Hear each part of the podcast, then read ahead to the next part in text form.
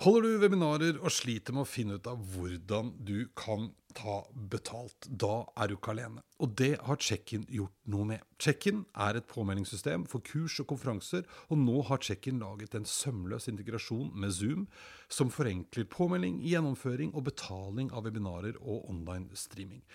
Sjekk ut checkin.no slash 30 minutter for å finne ut hvordan du kan tjene penger på dine webinarer med Check-in.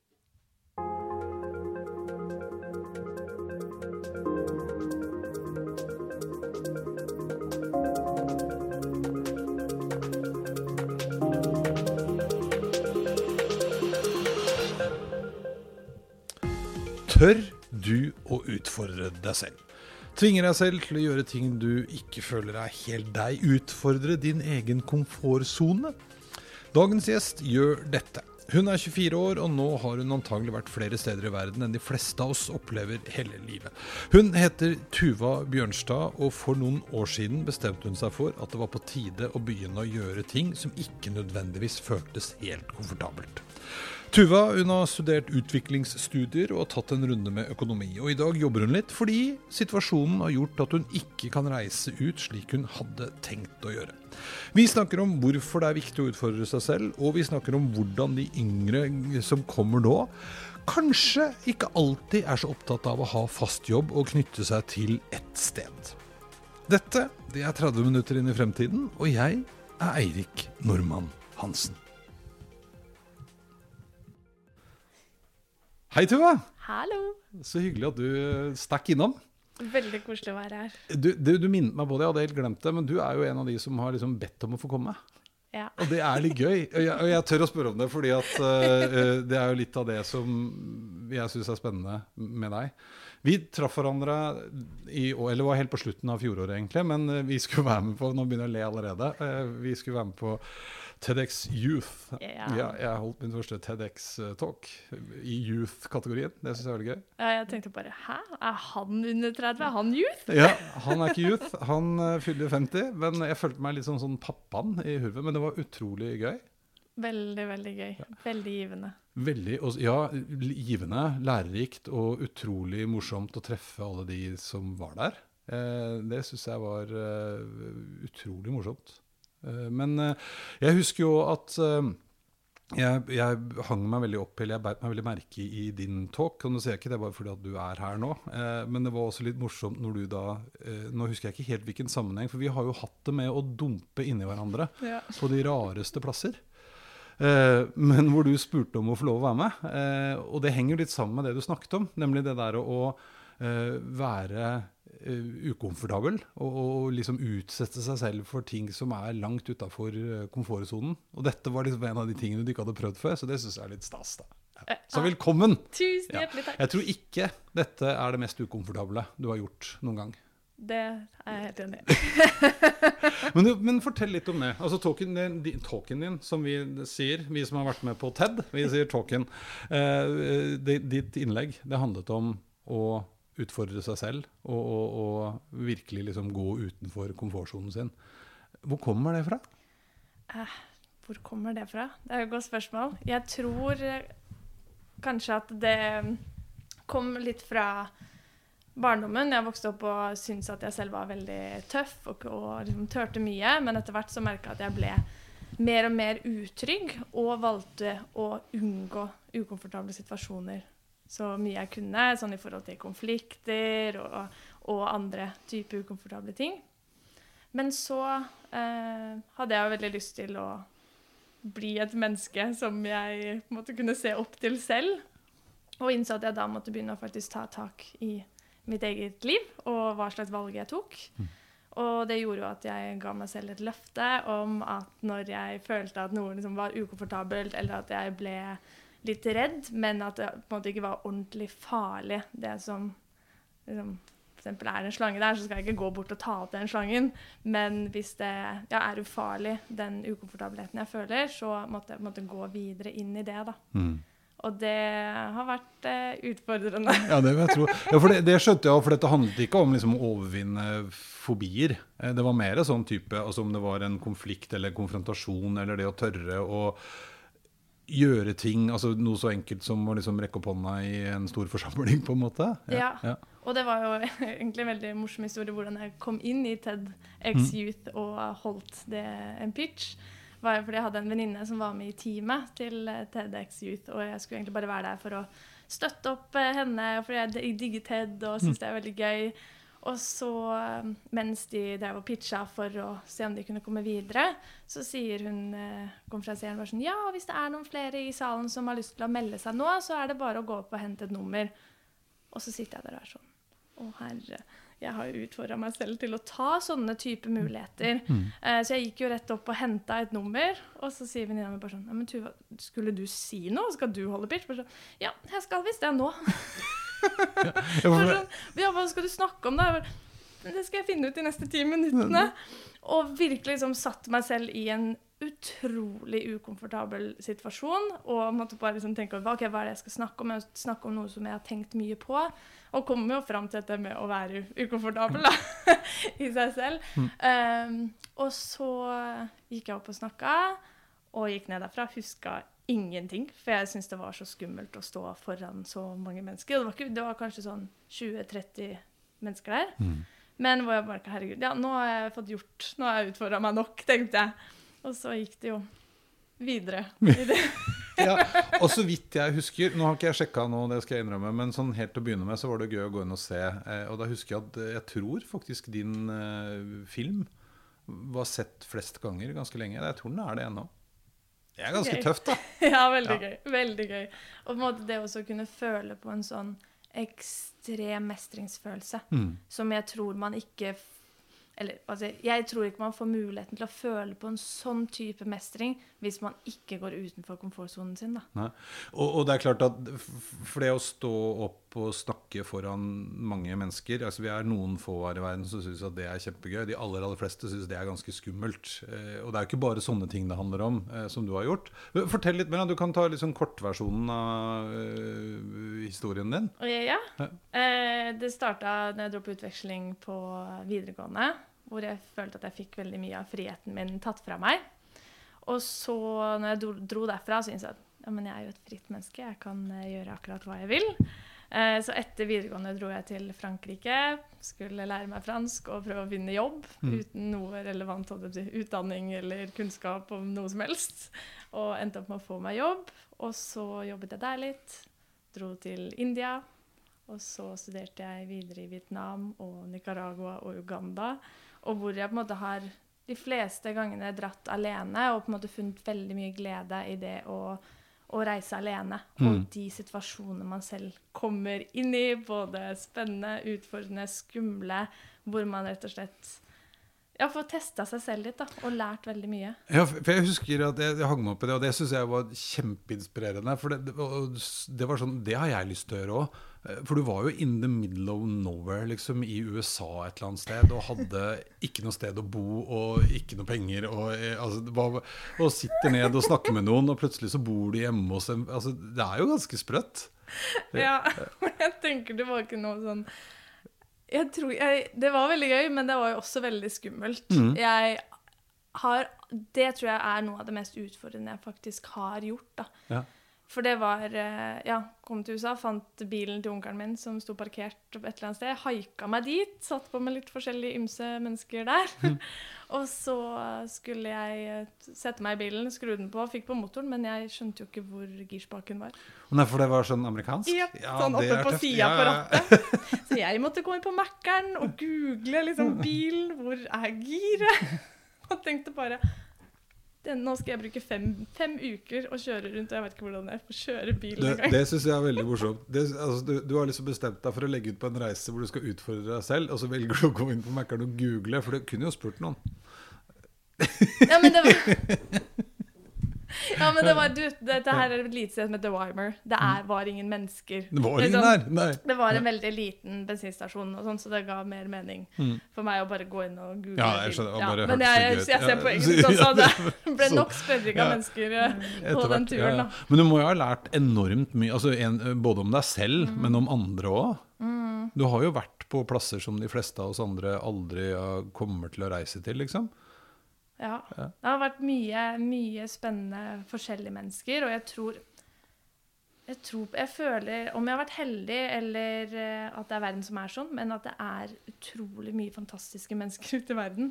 Man hører så mye på, på, en måte, på nyhetene, på ja, si, ulike dystopiske serier og bøker, mm. og alle de historiene man hører. Jeg har på en måte, når jeg har sagt at jeg skal legge ut på en reise, eksempel, så er det veldig sånn Ja, men burde du gjøre det? Det er jo Tenk om du blir voldtatt. Tenk om du blir drept. Å, jeg hørte en historie om det og det. Mm. Og bare det i seg selv å sitte og høre på det, er jo ukomfortabelt. Mm. Og så faktisk begi seg ut på det og tørre å trosse alle de samfunnsbeskjedene man får, da. Ja. Spesielt som jente alene også. Jo, jo, men, men det er jo litt, syns jeg, flott òg at man da tør å på en måte bryte litt med det. For det er jo litt en sånn der nærmest stereotypi òg. Hvis du er ung jente, så skal du ikke reise alene.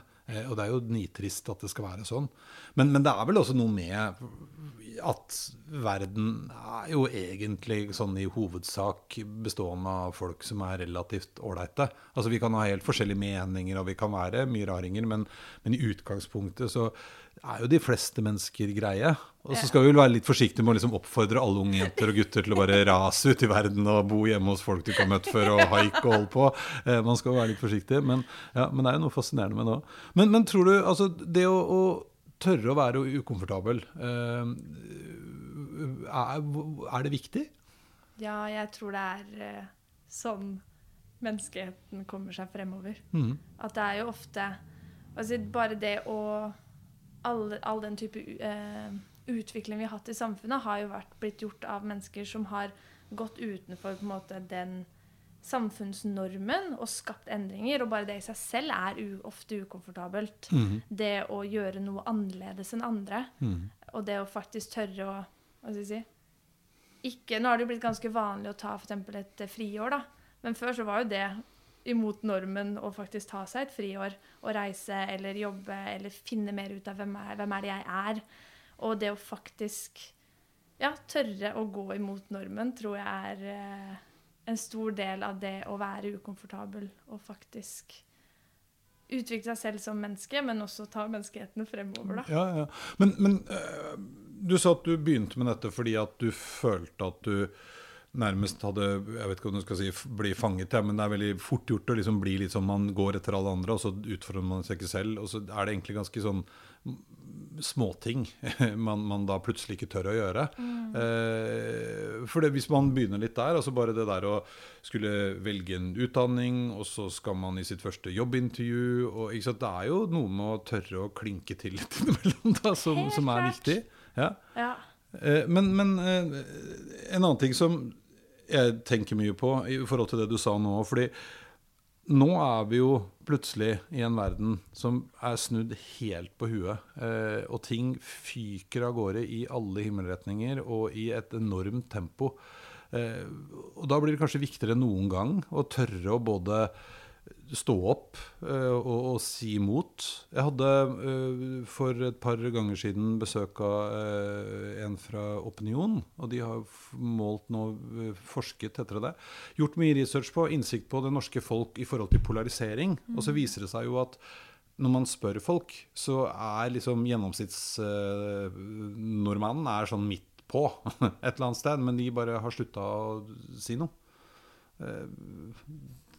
Mm. tenker jeg jo er noe av det du liksom pirker litt borti, da. Ja, og jeg har jo tatt meg selv i det også, det når Ja, det er Hva skal jeg si En litt eh, radikal diskusjon av noe slag, da. Og Mm. at det er veldig lett for, for meg som har en eller annen mening, å ikke tørre å, å bryte inn eller si noe, snakke opp om et tema som jeg syns er viktig, fordi man er så redd for ja, hva folk skal si, og Mm. ikke det at det er noe, hva skal si, noe radikalt eller si, feil i det å ha en klar mening om noe.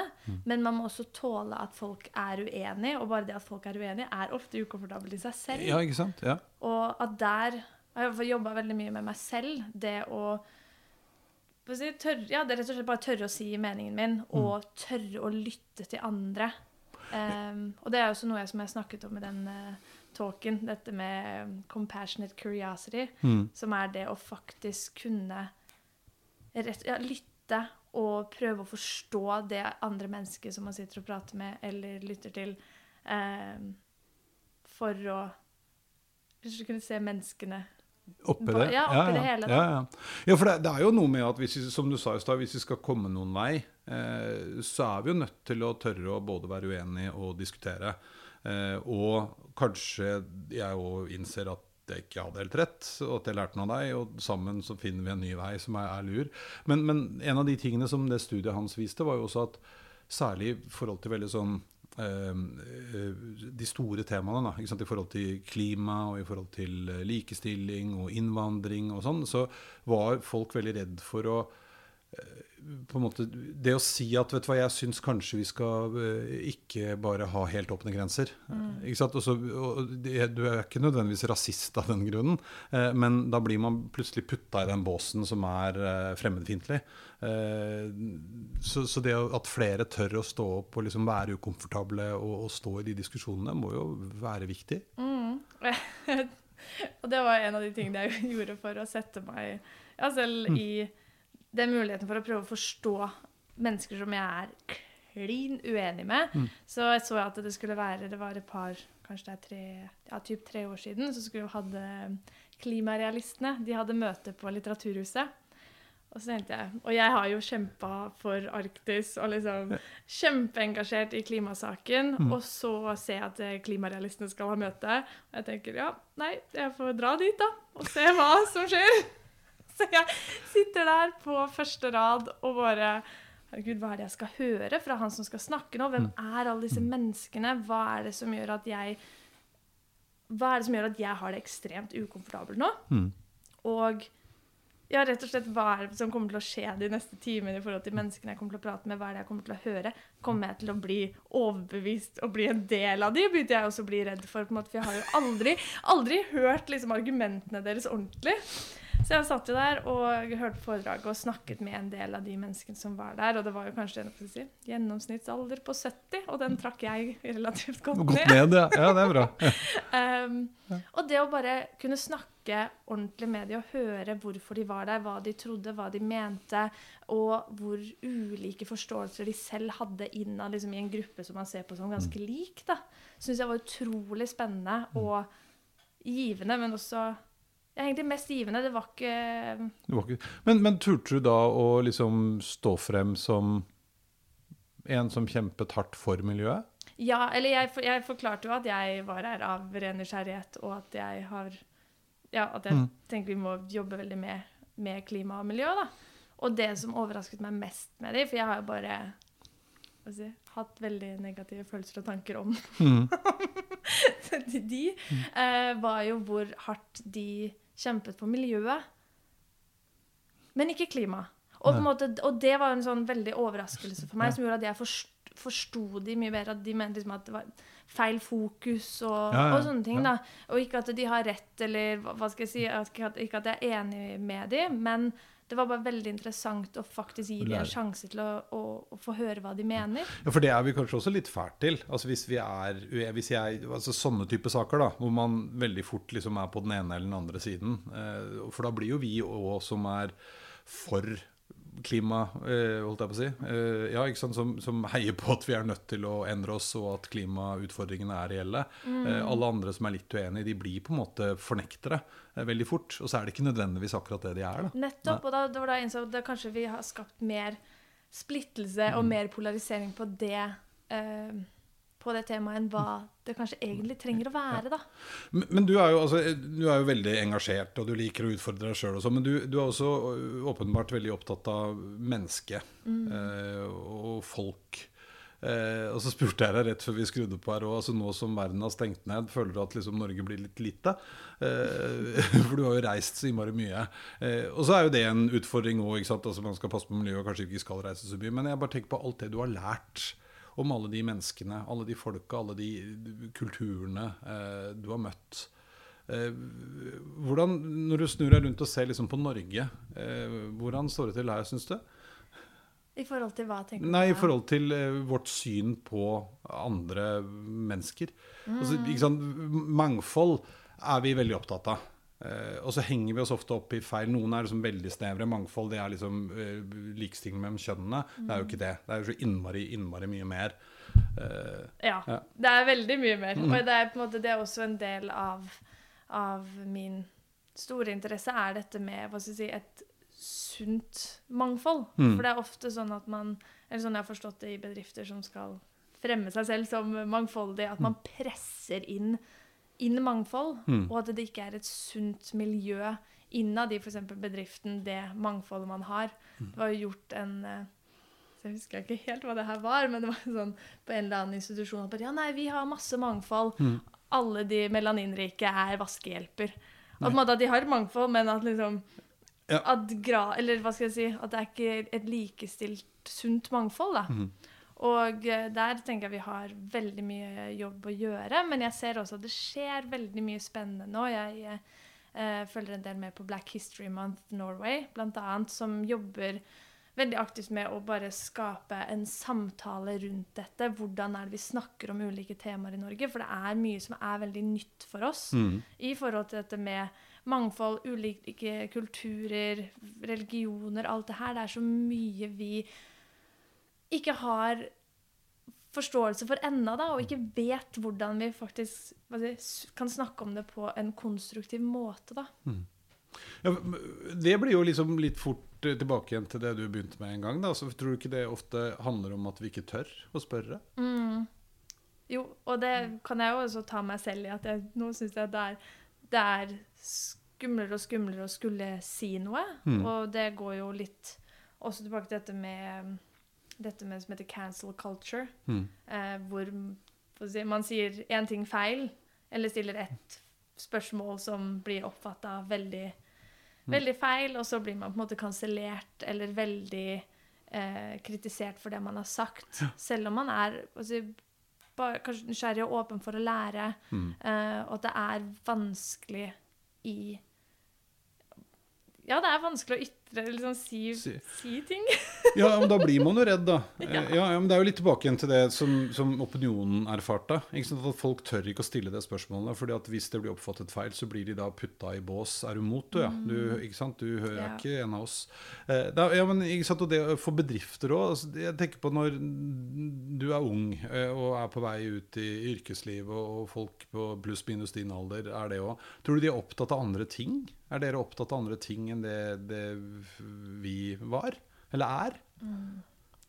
Spennende spørsmål. jeg har jo innsett at Eller sånn, jeg har gått litt rundt og trodd at Ja, men de fleste tenker jo som meg. Mm.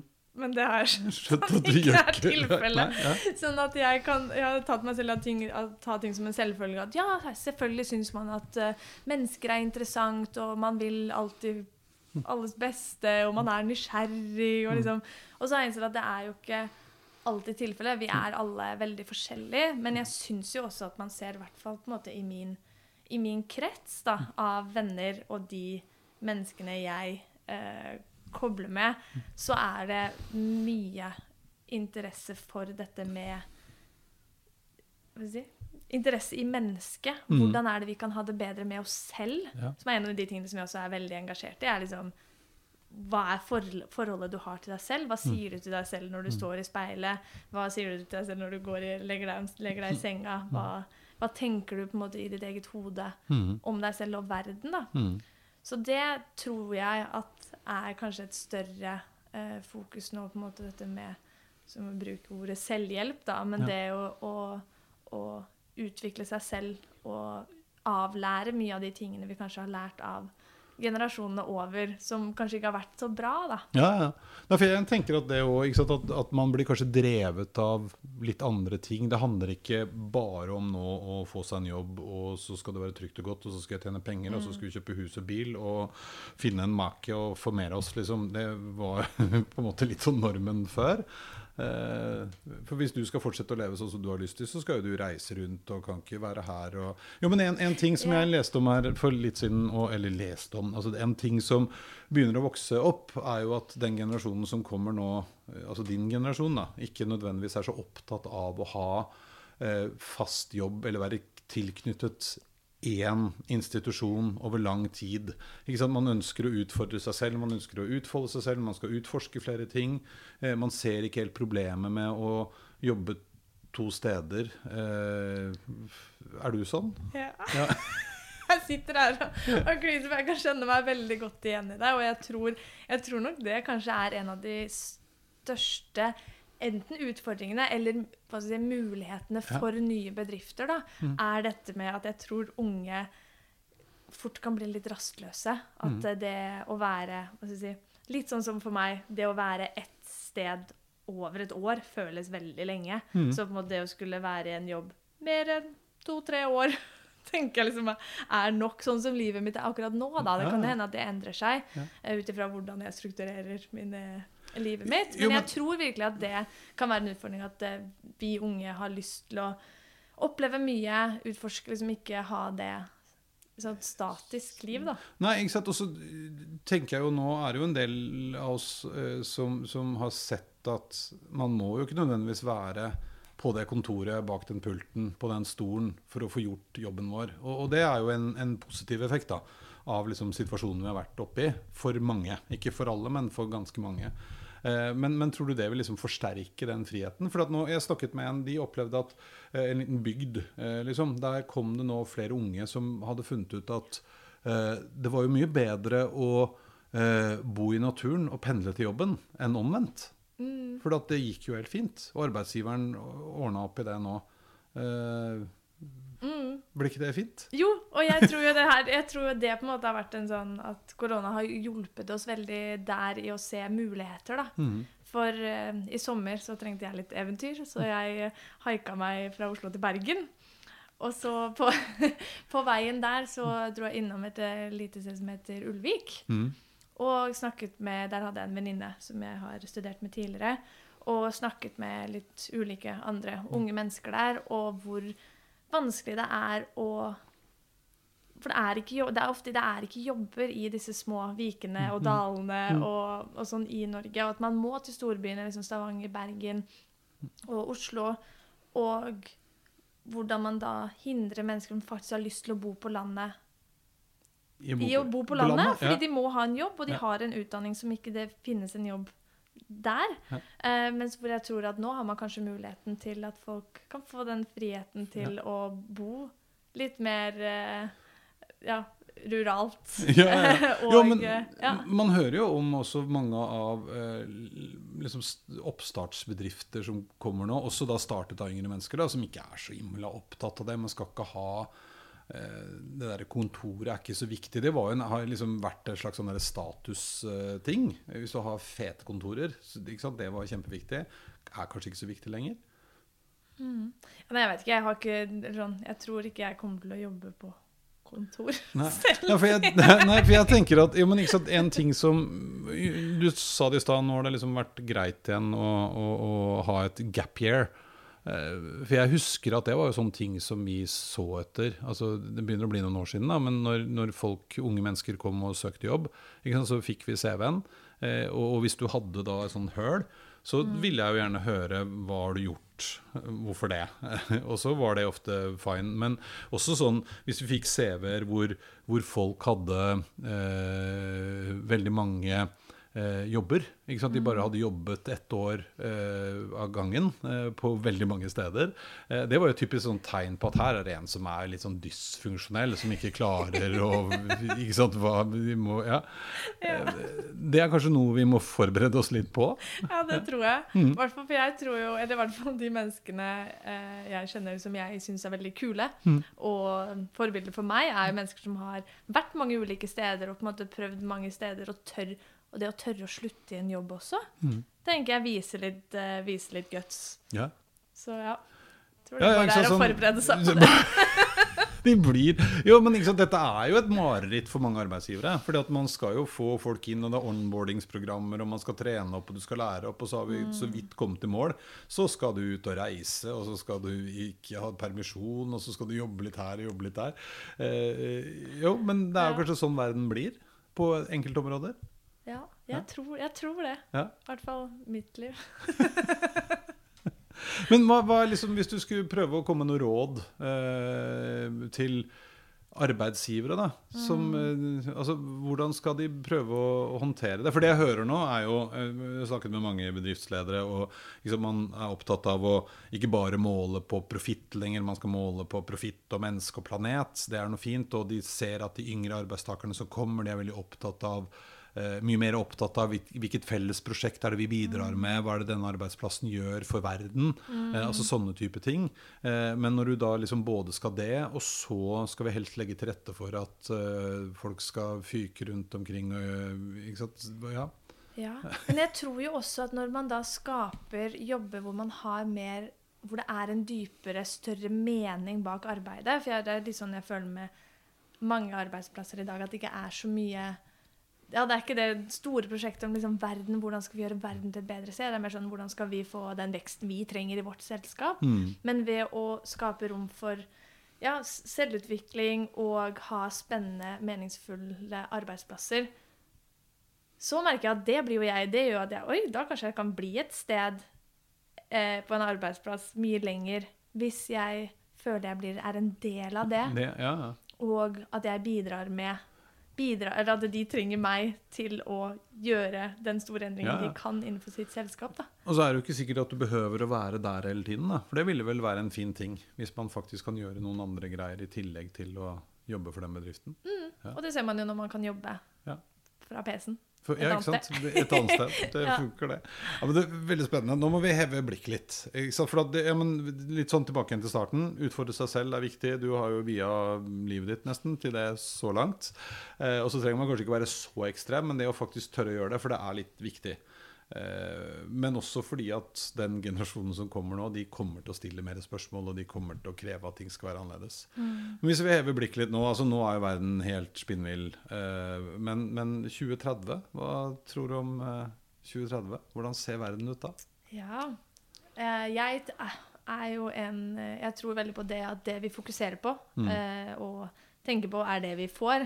Så jeg er veldig opptatt av å ha et positiv, positive tanker.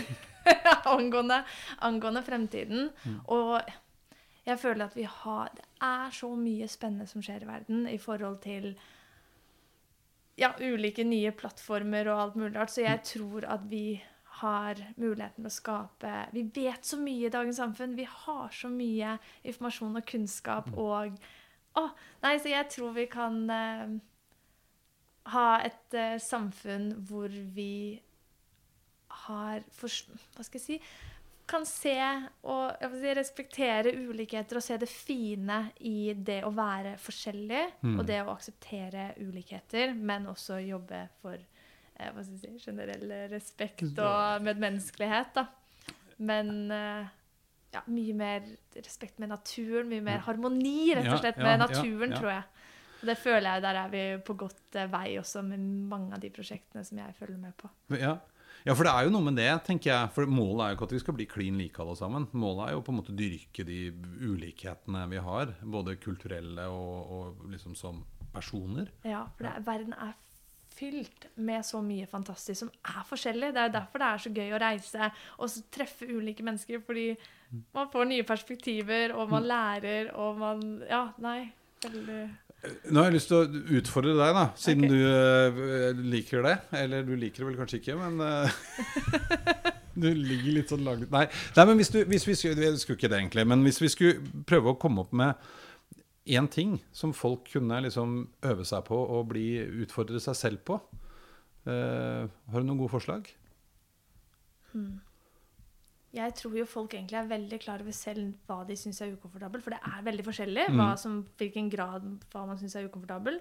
Men jeg tror jo på det at når man merker den ukomfortable følelsen, gi seg selv et sekund eller to til å tenke ok, men hvorfor, hvorfor, får, jeg, hvorfor får jeg lyst til å løpe unna denne situasjonen ja. nå? Og faktisk ta det valget. Mm. Og gå inn i den situasjonen. Med mindre det selvfølgelig er noe farlig. La, la, la. Ja, ja, men ja. For det er noe med som jeg hang meg opp i helt først altså Når man da har gjort det, den ja. følelsen etterpå Det er få ting som er diggere. Det er få ting som er diggere. Tusen hjertelig takk skal du ha, Takk. takk for besøket. Tusen takk for at jeg fikk komme.